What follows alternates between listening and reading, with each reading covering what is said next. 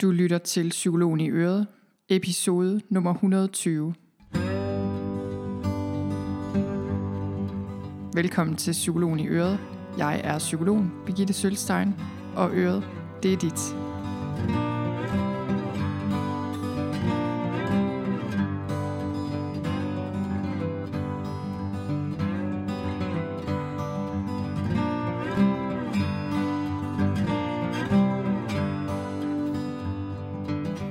Velkommen til i dag. I dag er ikke en helt almindelig episode. Jeg glæder mig helt vildt meget til at dele den med dig. Jeg har haft en snak med psykolog Anne Agerbo, og hun har været på podcasten en gang før. Hun, øh, jeg er lige ved at tro, det var det allerførste interview, jeg lavede i sin tid, hvor vi talte om traumer, og øh, det kan du finde inde på min blog. Det var et interview, der øh, blev meget populært. Rigtig mange har lyttet til det og har skrevet til mig og har været meget glade for det. Og lige siden da har jeg tænkt, at øh, jeg rigtig godt kunne tænke mig at tale med Anne igen. Jeg har også mødt hende et par gange siden da, men øh, jeg har længe tænkt, at jeg gerne ville sætte mig ned og have en snak med hende. Og det bliver altså i dag. Og det vi gør her, det er øh, noget andet, end jeg plejer på podcasten. Fordi jeg blev enig med Anne om, at det ikke skulle være et interview, og det skulle heller ikke handle om et emne. Det her, det er simpelthen bare en samtale hvor vi blev enige om på forhånd, at vi måtte stille hinanden spørgsmål, så vi havde simpelthen nogle spørgsmål med hver især. Vi havde ikke forberedt os, vi vidste ikke, hvad vi ville spørge hinanden om. Eneste regel var, at øh, man selv skulle være villig til at svare på spørgsmålet, og at man skulle være ærlig, selvfølgelig. Vi kom virkelig vidt omkring i vores samtale, og øh, det blev rigtig, rigtig godt. Jeg fik selv rigtig meget ud af det. Jeg synes, det var så rart at tale med Anne, og øh, jeg tog virkelig nogle ting med mig. Den samtale, du kan høre i dag, det øh, er den del af samtalen, hvor vi især fokuserer på corona-relaterede ting og sager. Ikke kun, men især det. Og fordi vi talte så længe sammen, så har jeg delt det op i to episoder. Og den næste episode, som du også finder inde på min hjemmeside, som også ligger der allerede, der øh, taler vi lidt mere vidt og bredt om alt muligt. Om hvordan det er at prøve at forsøge at være menneske først, men også psykolog, og hvordan man ligesom balancerer den rolle. Vi taler om øh, vores indre psykologkritiker. Sådan en har vi begge to. Sådan en har alle, tror jeg, eller en indre kritiker i hvert fald.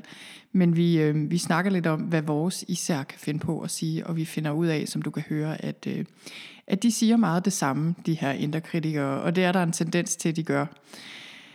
Og så snakker vi også lidt om i den anden episode øh, noget om, hvordan vi håndterer den her uvidshed og, øh, og den her særlige situation. Og så til sidst i den episode, der har vi taget begge to taget noget med, som vi vil dele med den anden og med jer derude.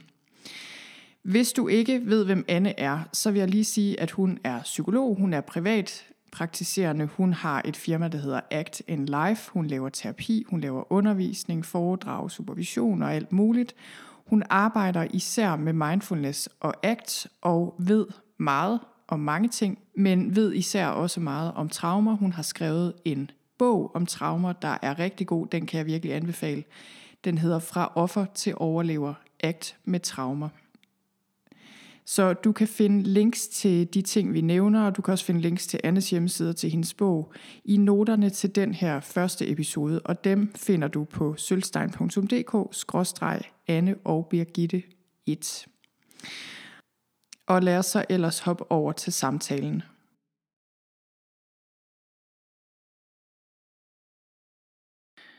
Tak fordi du ville være med på min podcast, Anne. Tak for invitationen, Birgitte. Og nu sagde jeg godt nok lige min podcast, men jeg får næsten lyst til at sige, at jeg føler lidt, det sådan, i dag er det ikke, ikke ligesom de interviews, jeg plejer at lave, det er sådan lidt mere vores samtale, føler jeg. Og det glæder jeg mig rigtig meget til. Det har jeg også glædet mig rigtig meget til. Så øh, ja, men øh, jeg tænker egentlig bare, at vi springer lige ud i det. Vi har jo de her spørgsmål med, mm. hver især. Øh, og også noget, vi måske vil, et citat eller noget, vi vil læse op til sidst, hvis vi kommer så langt, når vi kommer så langt. Ja. Så øh, hvad siger du? Vil du starte med et spørgsmål, med at stille et spørgsmål? Ja.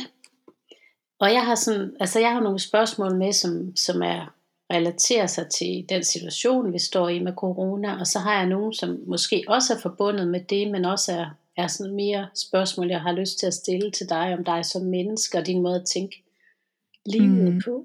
Øhm. Ja, jeg, har også, jeg kan også se, at jeg har også en god blanding af det hele. Jeg har i virkeligheden, tror jeg, 40 spørgsmål, jeg godt vil stille dig. Det når vi nok ikke. Nu må vi se, hvor meget vi når.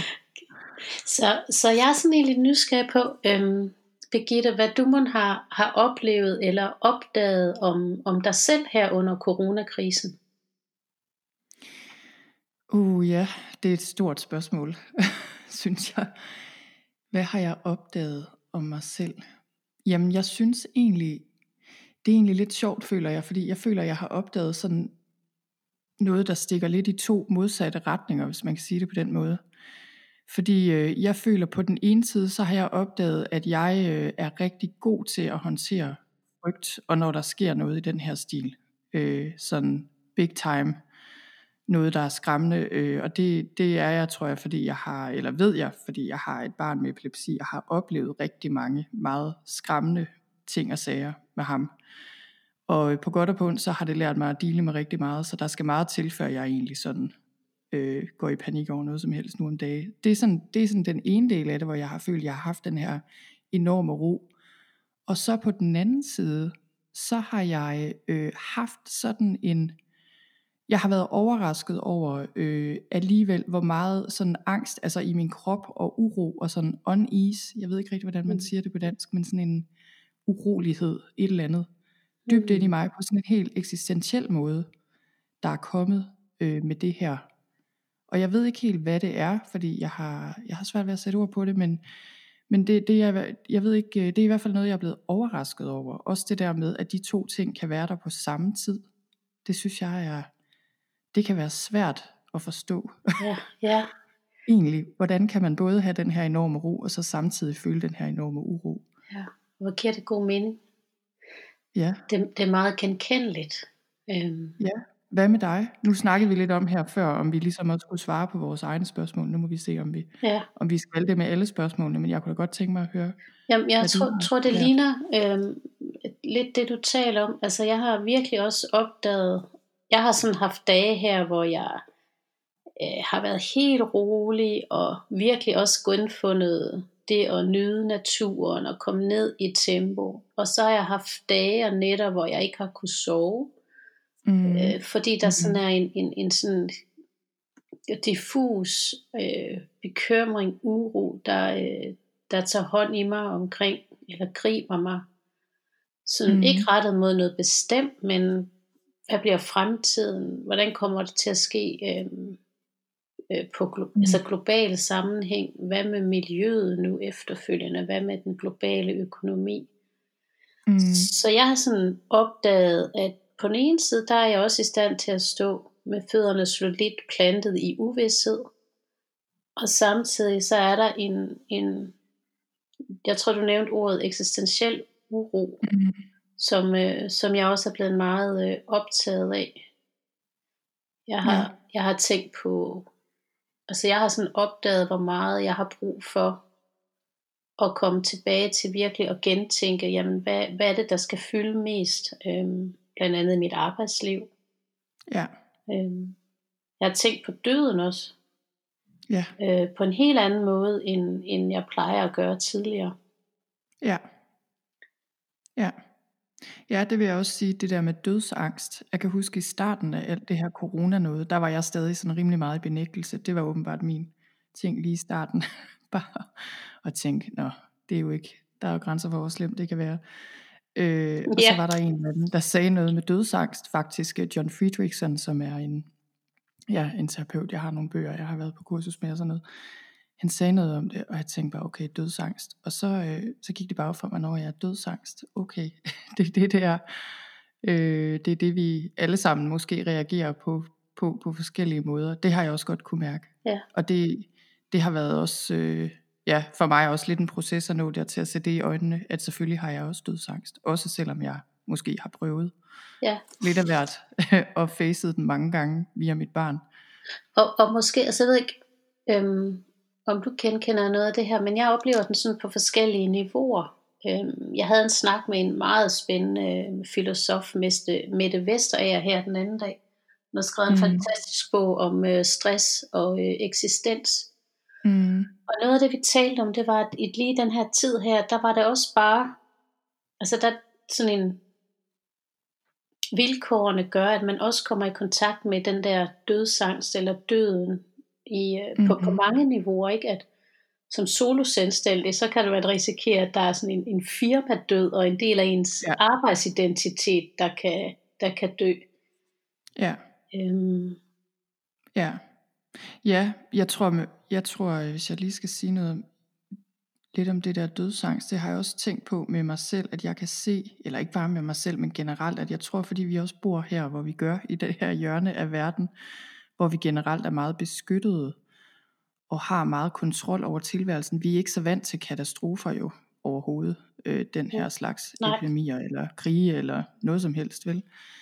Øh, vi er ikke så vant til at dele med det, og det er ligesom om, jeg har tænkt meget også med mig selv. Jeg kan se, at der er visse ting, jeg gør i mit liv i forhold til for eksempel at skabe økonomisk tryghed og sådan noget omkring de fysiske rammer. Og jeg har sådan på en eller anden måde, kan jeg se, at, at jeg forsøger at bygge noget op fysisk eller økonomisk, eller ligesom de her ydre rammer, som så jo skal symbolisere, så nu der er styr på tingene, du ved, nu er mm. jeg tryg, nu er der ikke nogen, der kan komme yeah.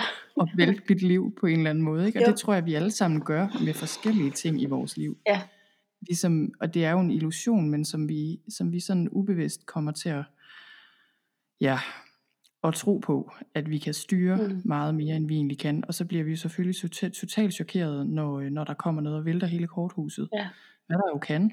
Det, sådan, det er jo ikke anderledes, end det altid har været, vel? Nu sker det bare for os alle sammen på samme tid. Ja, ja. Ja, det, det er en god pointe. Ja. Jeg tror noget af det, jeg var enormt optaget af i starten af, øhm, af den her coronaperiode, lige da der var blevet en lockdown, det var også, øh, hvad, er det, hvad er det, jeg kan kontrollere, og hvad er det, jeg ikke kan kontrollere? Mm. Hvordan kan jeg så være med det, jeg ikke kan kontrollere? Mm. Og velvidende, ja. at det, jeg kan kontrollere lige nu, det kan vise sig en illusion, fordi lige om lidt, så kan det også øh, ja. ændre sig. Ja. Mm. Ja, helt klart. Jeg kan, jeg kan huske i starten af, øh, af den her periode. Der var lige nogle dage, hvor jeg blev sådan helt hugt på alle nyhederne selvfølgelig, som mange sikkert gjorde, og der var pressemøder, og du ved, det væltede ind med nyheder fra Kina og fra alle mulige steder. Det kunne jeg godt mærke. Det, altså, det var en af de ting, jeg godt kunne kontrollere og skrue ned for det, ja. fordi det var simpelthen for overvældende og for skræmmende på en eller anden måde. Ja, ja. Jeg, jeg har jeg har oplevet fuldstændig det samme, og, og gjorde også det samme. Jeg ser ikke ret meget nyheder øh, længere. Nej, nej. Okay. Nå, det kan være, vi skal gå videre. Mm. Øhm, jamen egentlig, så mit første spørgsmål, det var egentlig meget også, øh, ja, sådan lige ud af landevejen, hvordan du har det lige nu, og hvordan din hverdag ser ud lige nu øh, for dig. Altså arbejder du, arbejder du ikke, og hvordan, jamen, hvordan det har været for dig, ja. alt det her. Jamen, øhm, altså jeg arbejder meget, meget lidt alle mine, øh, jeg laver jo primært gruppesupervision og undervisninger, og alt det mm. er, øh, er aflyst, og har været ja. det siden den 13. marts. Øhm, så jeg laver en lille smule online, men meget, meget lidt. Ja. Og jeg har det, øh, jeg har det blandet. Nu har jeg det overvejende øh, godt. Jeg føler mig tryg jeg har mm. fundet nogle strategier, som bruge i min hverdag. Og så indimellem, som, så har jeg også, altså, så kan jeg have dage, hvor jeg sover dårligt, og jeg kan have dage, hvor jeg ikke kan koncentrere mig. Øhm, ja. Så jeg ja. synes, det, det, det er blandet. Men overvejende er jeg landet et sted, hvor, øhm, hvor jeg synes, jeg har fødderne plantet solidt på, øh, på jorden. Ja. Og øh, ja, og er det, ja, fordi jeg tænker, du er jo en af dem, øh, altså som selvstændig, det er jo mange, der har oplevet det her, du også oplever, ikke? At lige pludselig fra den ene dag til den anden, så forsvinder ja, muligheden for at arbejde, mm. og dermed også at tjene penge. Ja. Er det det, der har holdt dig vågen om natten, eller hvad? Eller hvad, altså, hvad er det, du ligesom har skulle finde fodfæste i? Det der med, det var, det var lige sådan i den første 14 dage, der havde jeg sådan nogle, jeg havde en hel dag, hvor jeg, hvor jeg bare tudede over, hvad ja. nu, nu går jeg for lidt, og hvad med, ja. kommer jeg nogensinde til at arbejde igen? Øhm, ja. men, men det, der holder mig vågen nu, da jeg så fandt en vej ind i det, eller, eller gav slip på det, fordi jeg jo ikke, altså jeg kan gøre noget, og så er der rigtig meget, jeg ikke kan gøre. Mm. Og da det virkelig gik op for mig, og jeg tog det til mig, så, øh, så det der begyndte sådan at komme og forstyrre mig om natten, det er altså mere nogle, nogle mere øh, generelle bekymringer for, hvordan kommer det her til at påvirke vores verdenssamfund, hvordan kommer det til at potentielt påvirke flygtningestrømme, hvordan kommer det til at Mhm. påvirke vores øh, øh, sådan den globale økonomi. Ja. Og der kom jo så også nogle, altså der kom jo dels kom der nogle hjælpepakker, og, øhm, Ja. og dels så fik jeg sammen med min mand også kigget på, jamen, øh, hvor få penge vi egentlig kan, øh, kan klare os for. Mm. Mm. Ja. Ja, jeg tænker, øh, ja, at der er mange, der er i den situation. Altså, det er i hvert fald noget, jeg har hørt. Mange har også skrevet til mig, og altså hører folk selvfølgelig, der lige pludselig mister deres indtægt, og det er jo voldsomt. Altså, det er en voldsom ting i sig selv. Ja. Men hvordan har det været for dig, Gitte? Altså, hvordan har du det egentlig? Også, eller haft? Øh, jamen, øh, jeg har haft det godt. Altså lige hvad angår, altså som jeg også sagde til dig lige inden vi tændte for mikrofonen her, jeg flyttede to dage efter hele den her lockdown, og det var voldsomt. Det må jeg sige. Det var to meget store ting oven i hinanden. og når Ja. børnene så også var hjemme, og jeg egentlig også skulle arbejde.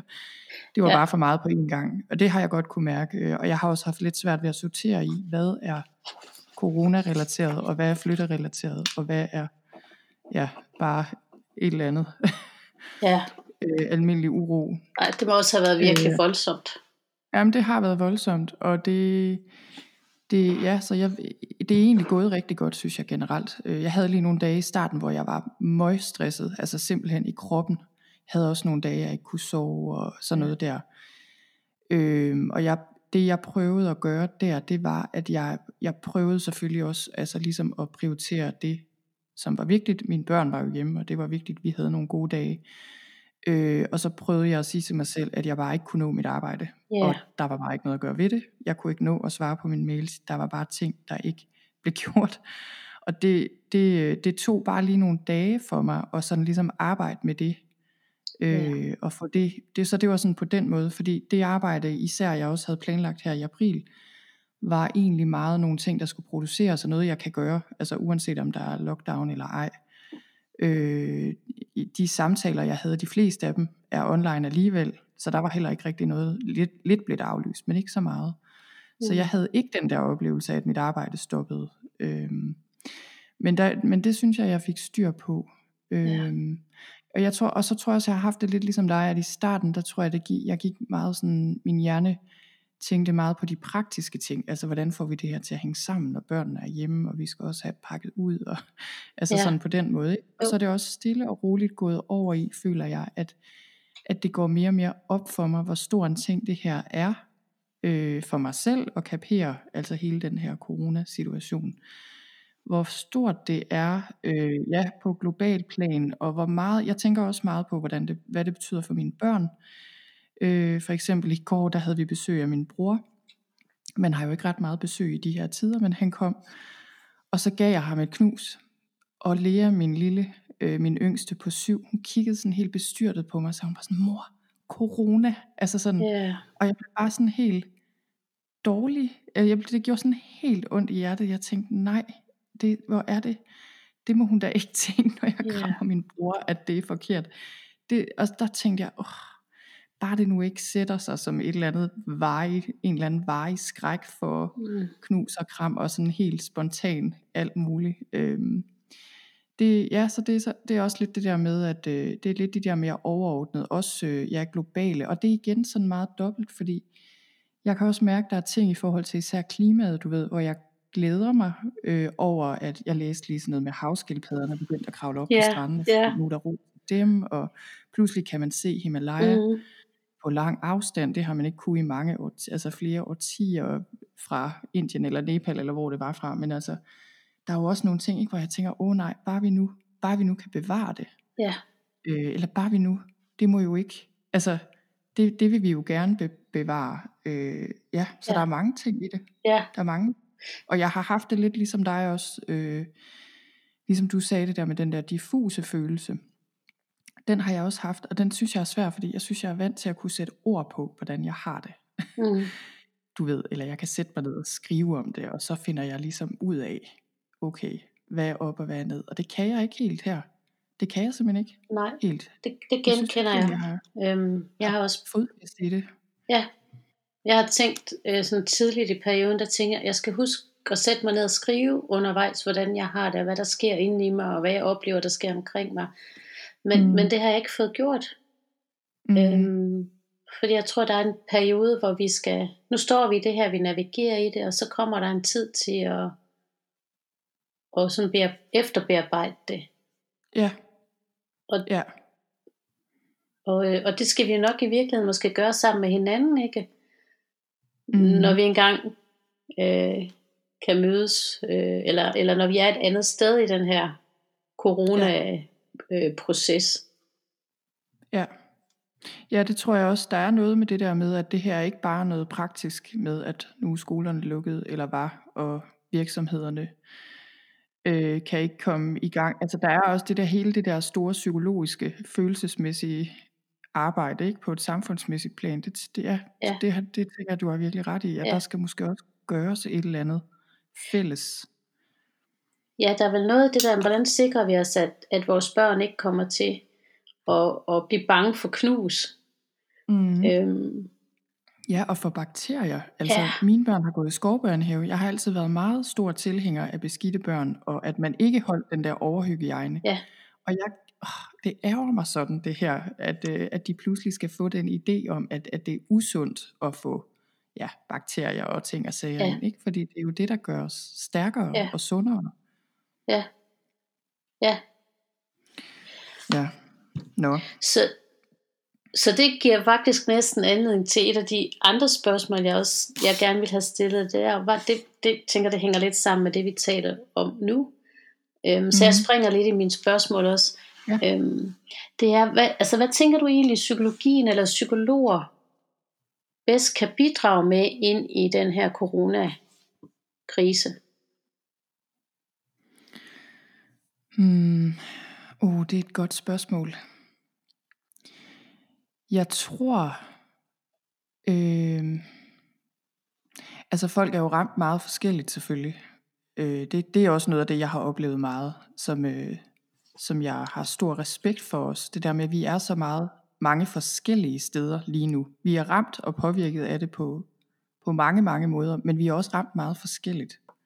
Mm. Øh, og det, det er måske en af de ting, jeg føler, vi kan bidrage med øh, i forhold til det der med, når man skal igennem sådan noget her sammen. Det, nu tænker jeg også som par for eksempel, hvis man er par, altså som familie, eller som venner, eller som kolleger, eller hvad det nu er.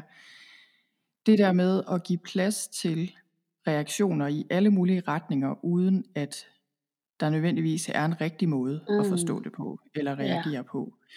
Fordi det er jo noget af det, som der vil være behov for, tror jeg, øh, virkelig noget plads til, at vi kan komme videre i det her. Både lige nu, når vi er hjemme sammen, enten alene eller sammen med vores familie, hvor der også skal være plads til forskellige reaktioner, forskellige holdninger.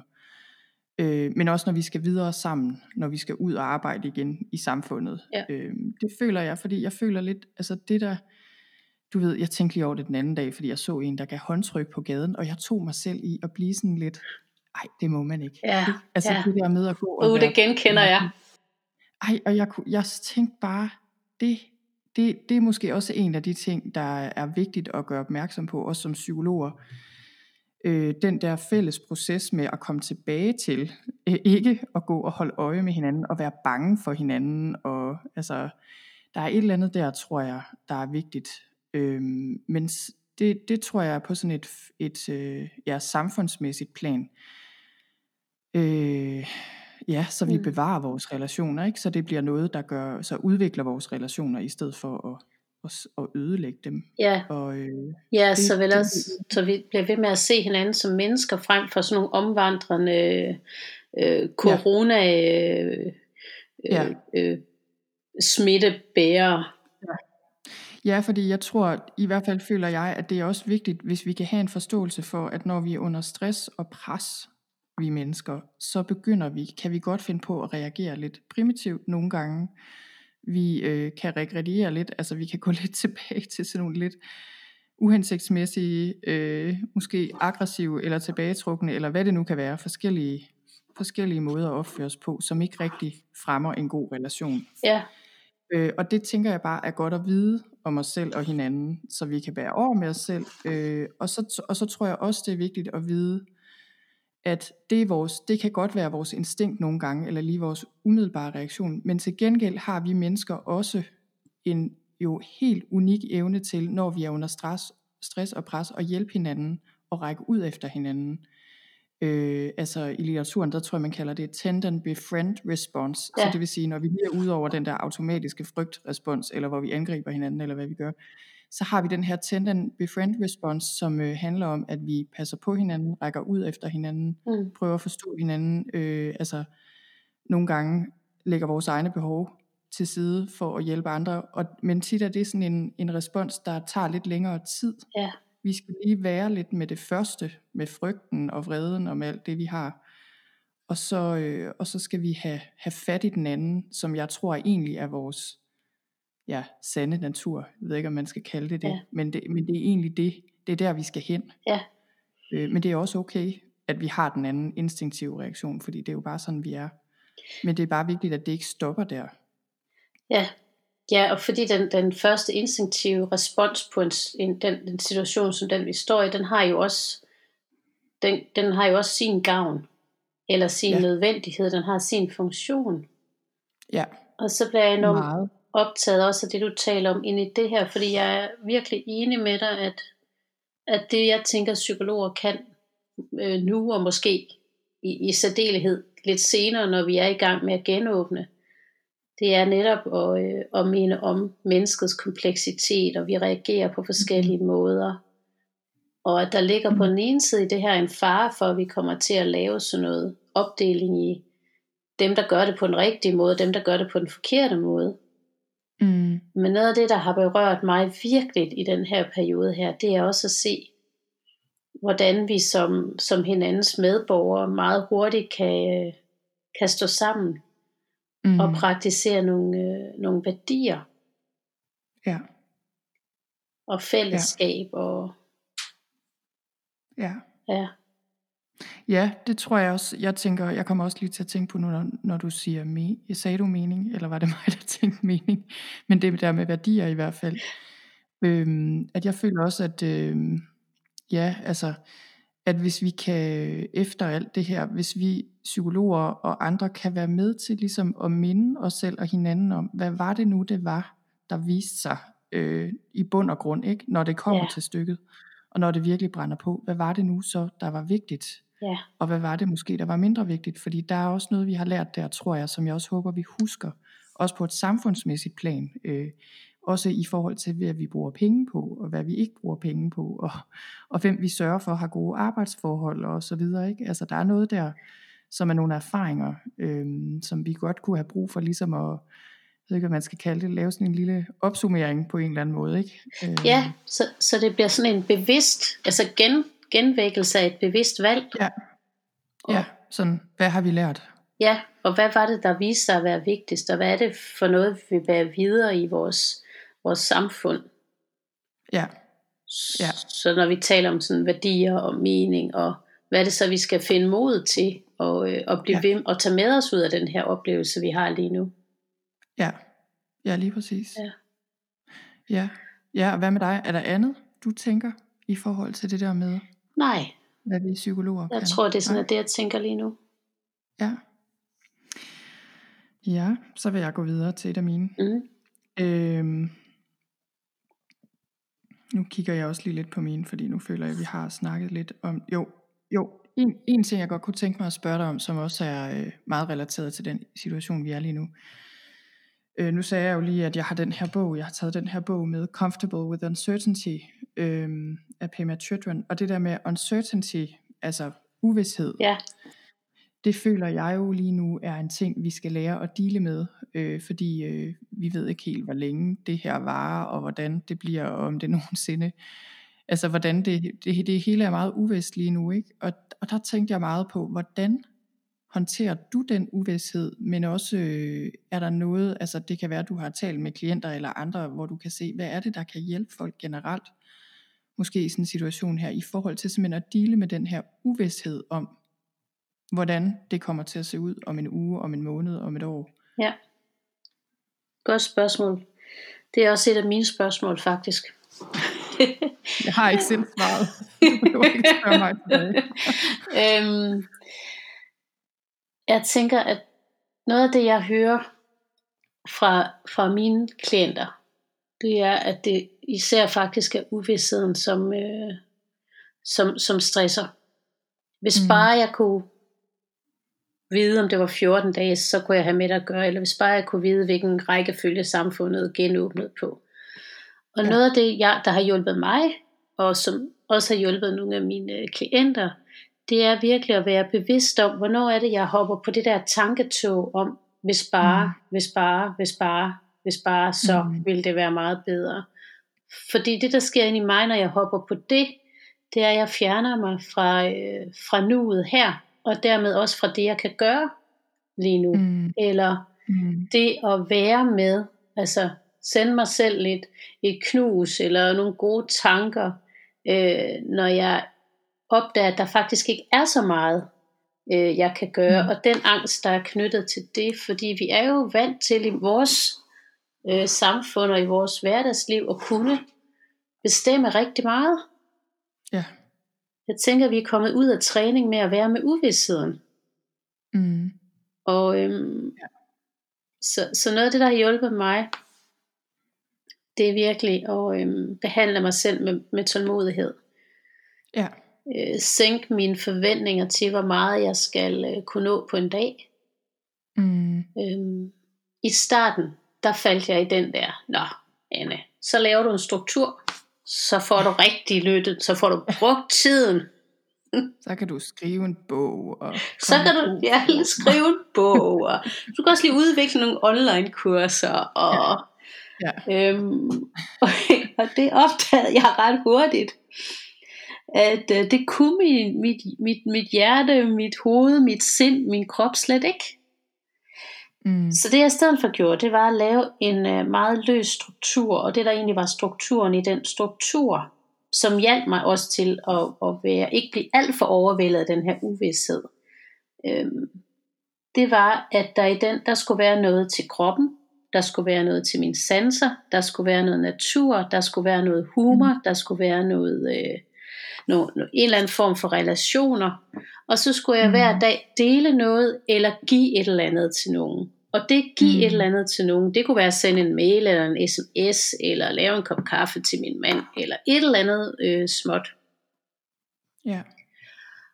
Og det at have nogle, nogle, nogle, nogle små bitte øhm, handlinger og koble mig op på, som egentlig er knyttet til noget af det, der er vigtigt for mig i mit liv, det, ja. det har bare været en, en virkelig hjælpsom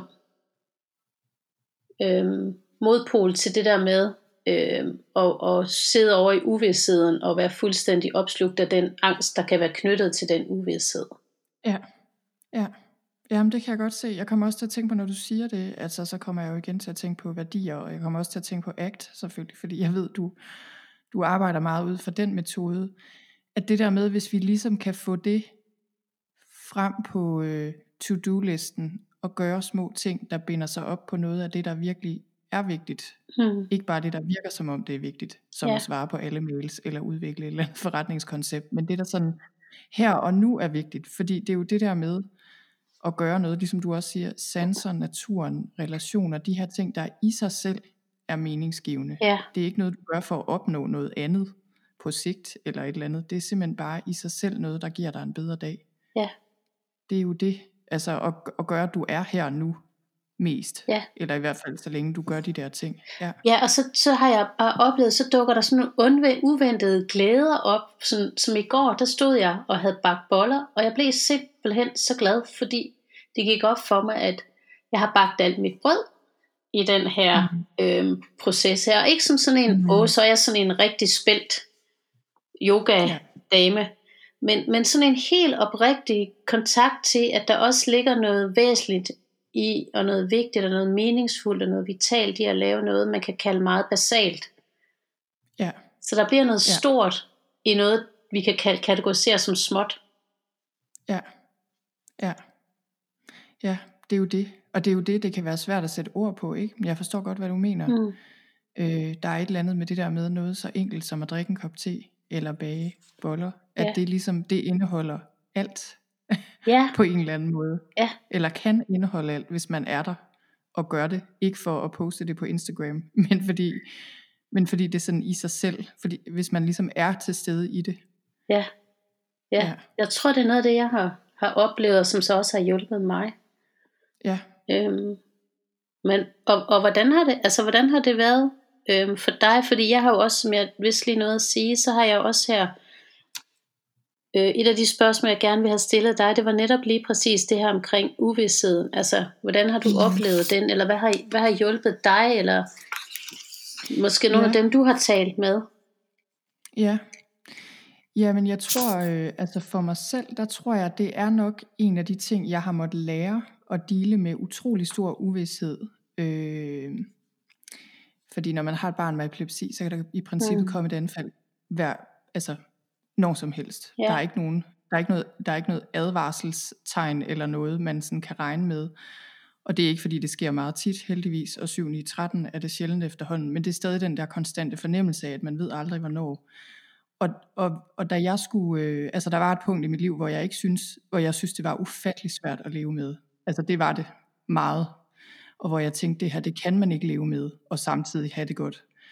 Men det, øh, heldigvis, så, øh, så har jeg lært det, og det tror jeg bare, det er jo en meget stor gave i sig selv. Det må jeg bare Mm. sige, i forhold til utrolig mange ting, også i forhold til sådan noget her.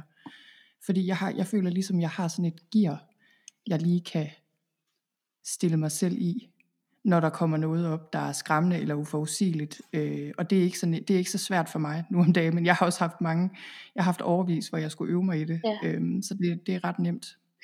Kan, Så den del, Kan, kan du Ja. huske, jeg bliver så nysgerrig på lige nu, kan du huske, øhm, altså, hvad, hvad hjalp dig der i, øh, da, da det var nyt? Du ja. Beskriver det næsten som sådan noget, vi kan træne, og det er jo Ja. egentlig enig Ja. i, ikke? At, det tror, jeg tror, øh, det er jo svært for mig at sige, sådan, jeg tror ikke, det var en eneste ting, Nej, der er sådan på den måde hjalp mig. Sådan er det jo aldrig. Men jeg, men jeg kan huske nogle af de ting, øh, der hjalp mig. Altså for det første, så tror jeg nogle gange, når man har det svært nok, altså når det gør ondt nok, det var simpelthen så pinefuldt, øh, at jeg blev nødt til at gøre noget andet, hvis jeg skulle kunne være i det. Altså sådan er det jo nogle gange, ikke? jo, lidelse på en eller anden måde, tror jeg, eller ved jeg, det, øh, det gør, altså vi bliver, jeg, jeg var tvunget til det, øh, at finde det i mig selv. Og sådan tror jeg, det er for os alle sammen, hvad det så end er et barn, eller en virksomhed, der eller en økonomi, du Ja. ved, hænger i laser, eller et eller andet andet skræmmende, så, øh, så kan det ligesom, det kan være selvfølgelig et hul, man falder i, og en frygt, der overmander en, og det var det også for mig i lang tid. Men det kan også være den der port, man Mm. mm. på et tidspunkt så beslutter sig for, eller bliver nødt til at gå ind af, som, øh, som viser sig at være en meget stor gave. Men, det, men en af de ting, der hjalp mig, det var faktisk øh, Eckhart Tolle, som er en spirituel lærer. Han har skrevet The Power of Now, Nuets Kraft øh, og nogle andre bøger.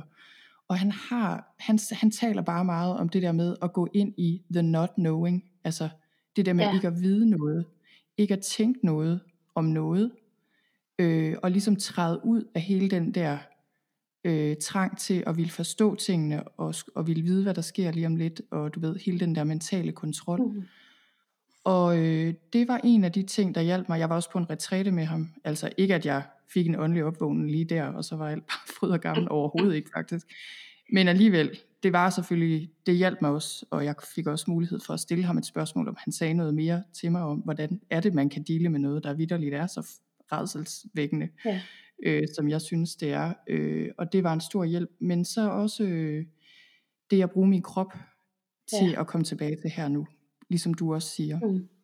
præcis som du siger, der har jeg følt, at øh, for helt konkret, så for mig var det i en periode Qigong, det er den der, du ved, hvor man sådan Ja. langsomme kampsportsagtige bevægelser, ja. ligesom Tai Chi, men øh, Qigong, det er lidt, lidt enklere, det har hjulpet mig enormt meget, det er også noget, jeg bruger, jeg er vendt tilbage til i de her dage, yoga, Ja. øh, gåture, alt der ligesom fremmer kropsbevidsthed mm. og nærvær, Øh, og det er ikke alle former for træning, der gør det for mig. Øh, sådan mere hård fysisk træning gør det ikke så meget.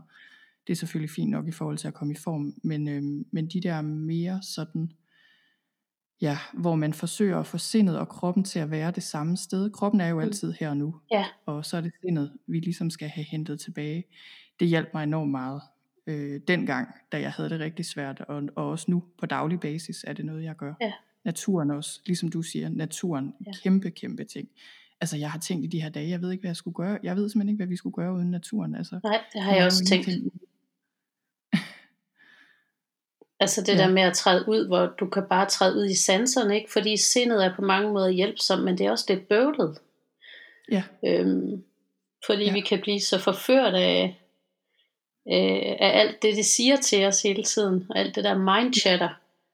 Øhm, Jamen, og det er utroligt, og altså, man kan jo virkelig, jeg kan nogle gange blive sådan helt, altså frustreret, ikke? Stadigvæk, og meget sådan, øh, men jeg synes, det er ufatteligt så meget tid, vi kan bruge øh, i tankerne, frem for her og nu. Jeg kan, jeg kan, altså, jeg kan blive sådan helt desperat nogle gange, Ja. og, sådan, og det hjælper jo ikke noget. Så hænger man bare endnu mere fast i det. Ja. Det er det der med at give slip på det og vende tilbage, men det der med, åh, jeg kan blive sådan, jeg har ikke lyst til at spille mit liv øh, på at være fanget i mine tanker. Jeg vil hellere være her. Ja.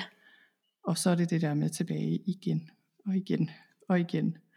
Og- Og, det svinger meget. Og det er jo det, det, er jo det, vi mennesker kan, når, når vi, altså, ikke, ja, altså, det skal godt nok, eller ikke med dig, jeg har godt nok skulle træne det der med at Mhm. trække tilbage til nuet, og trække tilbage til nuet, og trække tilbage til nuet. Øhm, Ja, Og jeg tænker, det er måske det i virkeligheden, at nu naturen, den kan hjælpe os rigtig, rigtig godt med. Ja, det føler jeg også. Ja. Ja, der er noget, der er, øh, altså Eckhart Tolle, når han taler om det, så siger han the presence, altså ligesom en ting, der er der, Ja, som vi kan, som er der i sig selv, og han siger, at naturen har en meget stor presence, altså et tilstedevær, eller hvad man nu skal kalde det. Ja. Og det synes jeg godt, man kan mærke, øh, når man kommer ud, bare hvis man kigger på en blomst eller noget, ikke? men især selvfølgelig også, hvis det er en skov, eller et stort træ, eller noget, der ligesom er stort, så, så føler jeg, at der kan være en presence, der simpelthen er større end min egen lille tankeverden, som jeg sidder Ja. og moser rundt i. Og det hjælper mig bare. Det er ligesom om, så kan jeg bedre lægge det fra mig, og, øh, og bruge den der, det der tilstedevær, Ja. der allerede er der i, øh, i naturen.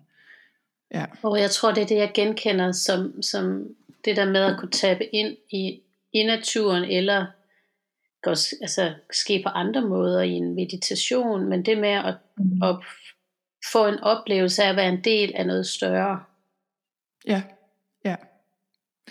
Ja, og jeg vil sige, altså lige i forhold til det der med uvidshed, at øh, altså det har jeg jo tænkt meget over i mit eget liv selvfølgelig, det, det, lyder, det kan jo godt lyde sådan lidt klichéagtigt, det der med, at når de ting, der er svære, de kan ende med at, at føles som de største Mhm. gaver. Jeg ved godt, at det er ikke altid sådan, det er stadig, det er heller ikke altid, det sådan føles i mit liv, heller ikke nu, men, øh, men der er et eller andet med det der med, når vi oplever noget svært, som for eksempel uvidshed lige nu, hvor, hvor fremtiden simpelthen bare bliver taget væk, øh, som vi troede, vi kendte den. Det tvinger os lidt til at gå dybere ind i nuet, altså Ja. hvis vi vil have det godt. Og det er jo en god ting. Ja, Ikke at det er en god ting i sig selv, at folk bliver syge osv., men selve det, at vi finder den vej, det, det tænker jeg, det kan jeg jo se i mit eget liv, har været en ufattelig stor gave. Og jeg tænker, det er en god ting for alle. og det, det tænker jeg, det er jeg så enig med dig. Jeg mærker også noget af det, du beskriver selv, ikke? At, at uvidsheden, når, altså kan vi trække ind i nuet, så kan vi også være med uvidsheden på en anden måde, og vi kan mm. være Mhm. med os selv på en anden måde. Ja, Og jeg tænker, jeg er godt nok blevet væsentligt venligere mod mig selv i den her måned her, end, end jeg måske, og det er ikke noget, jeg sådan er specielt stolt af, fordi jeg har også en fortælling om, at det er godt at være venlig mod sig selv. mm, Og nogle gange lykkes det mig, og nogle gange lykkes det mig ved Gud ikke.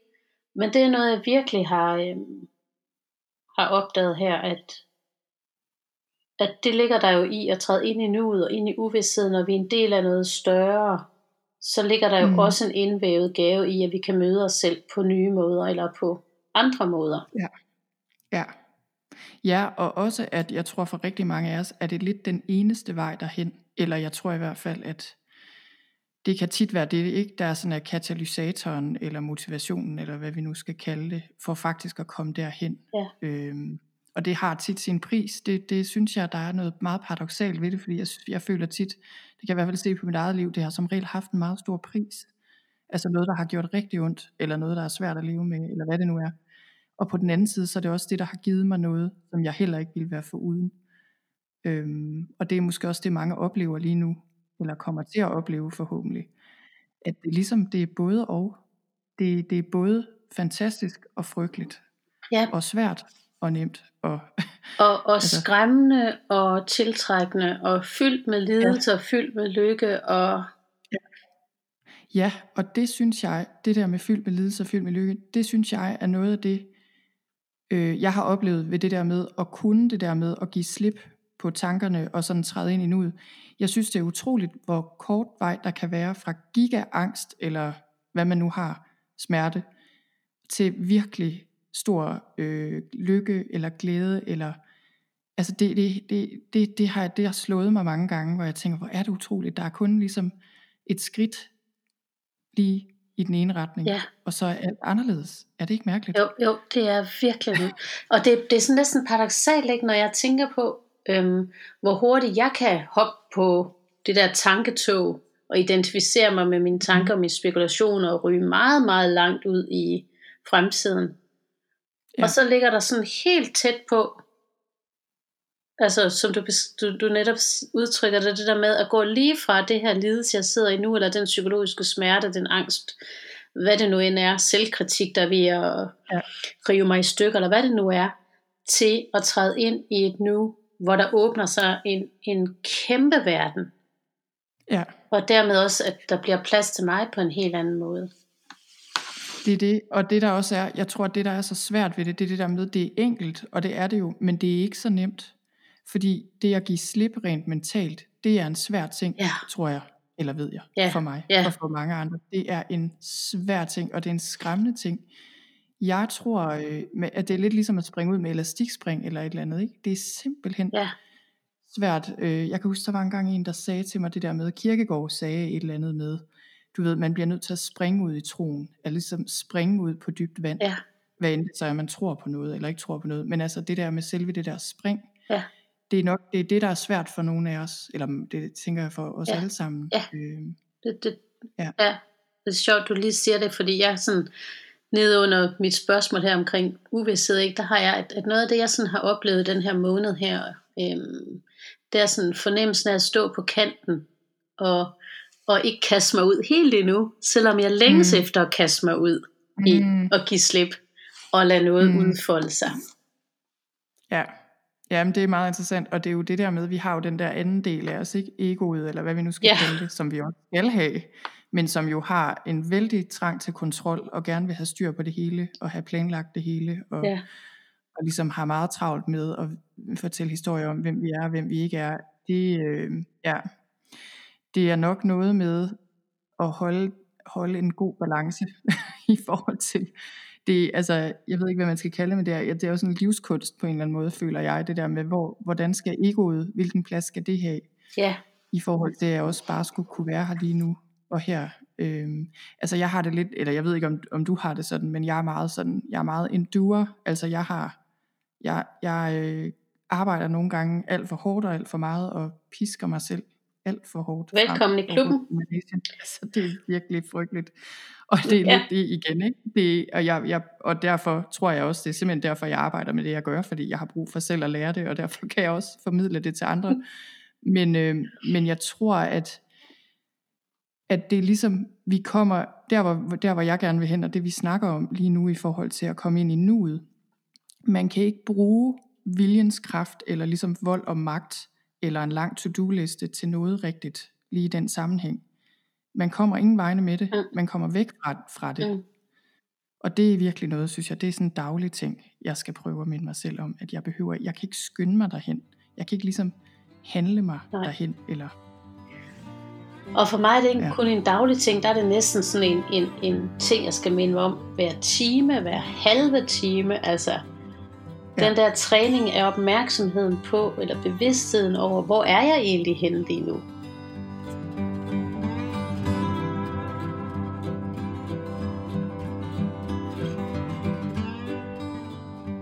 Og det var altså det for nu. Som du kunne høre, så øh, kottede jeg sådan lidt af midt i samtalen, fordi vi var ikke færdige. Vi snakkede videre, og du finder resten af samtalen inde på min hjemmeside på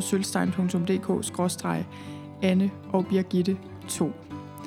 Og så vil jeg ellers bare sige tusind tak, fordi du lyttede med. Jeg håber, du hørte noget, du kunne bruge til noget. Det er jeg sikker på, du gjorde. Jeg tror, det er vigtigt i den her tid, og også helt generelt, at vi deler den her type samtaler med hinanden, at vi deler idéer, deler tanker, deler følelser. Ting sker, og ting kommer også til at ske efter den her coronakrise. Men det, der er meningen, det er, at vi skal dele tingene med hinanden. Og øh, jeg er bare meget taknemmelig for, at Anne vil være med i den her samtale, fordi jeg synes, det er en stor gave at få lov til at stille hende spørgsmål og høre, hvad hun svarer, fortælle lidt om, hvordan jeg selv ser på det. Og øh, jeg håber også, du fik noget ud af at lytte til det. Tak for nu.